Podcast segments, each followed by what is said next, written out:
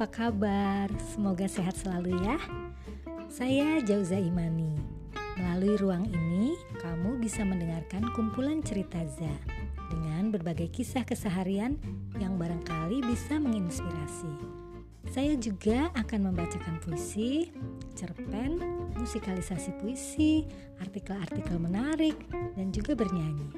Tentu saja kita dapat ngobrol-ngobrol santai tentang apa pun dan sesekali akan hadir tamu-tamu istimewa untukmu.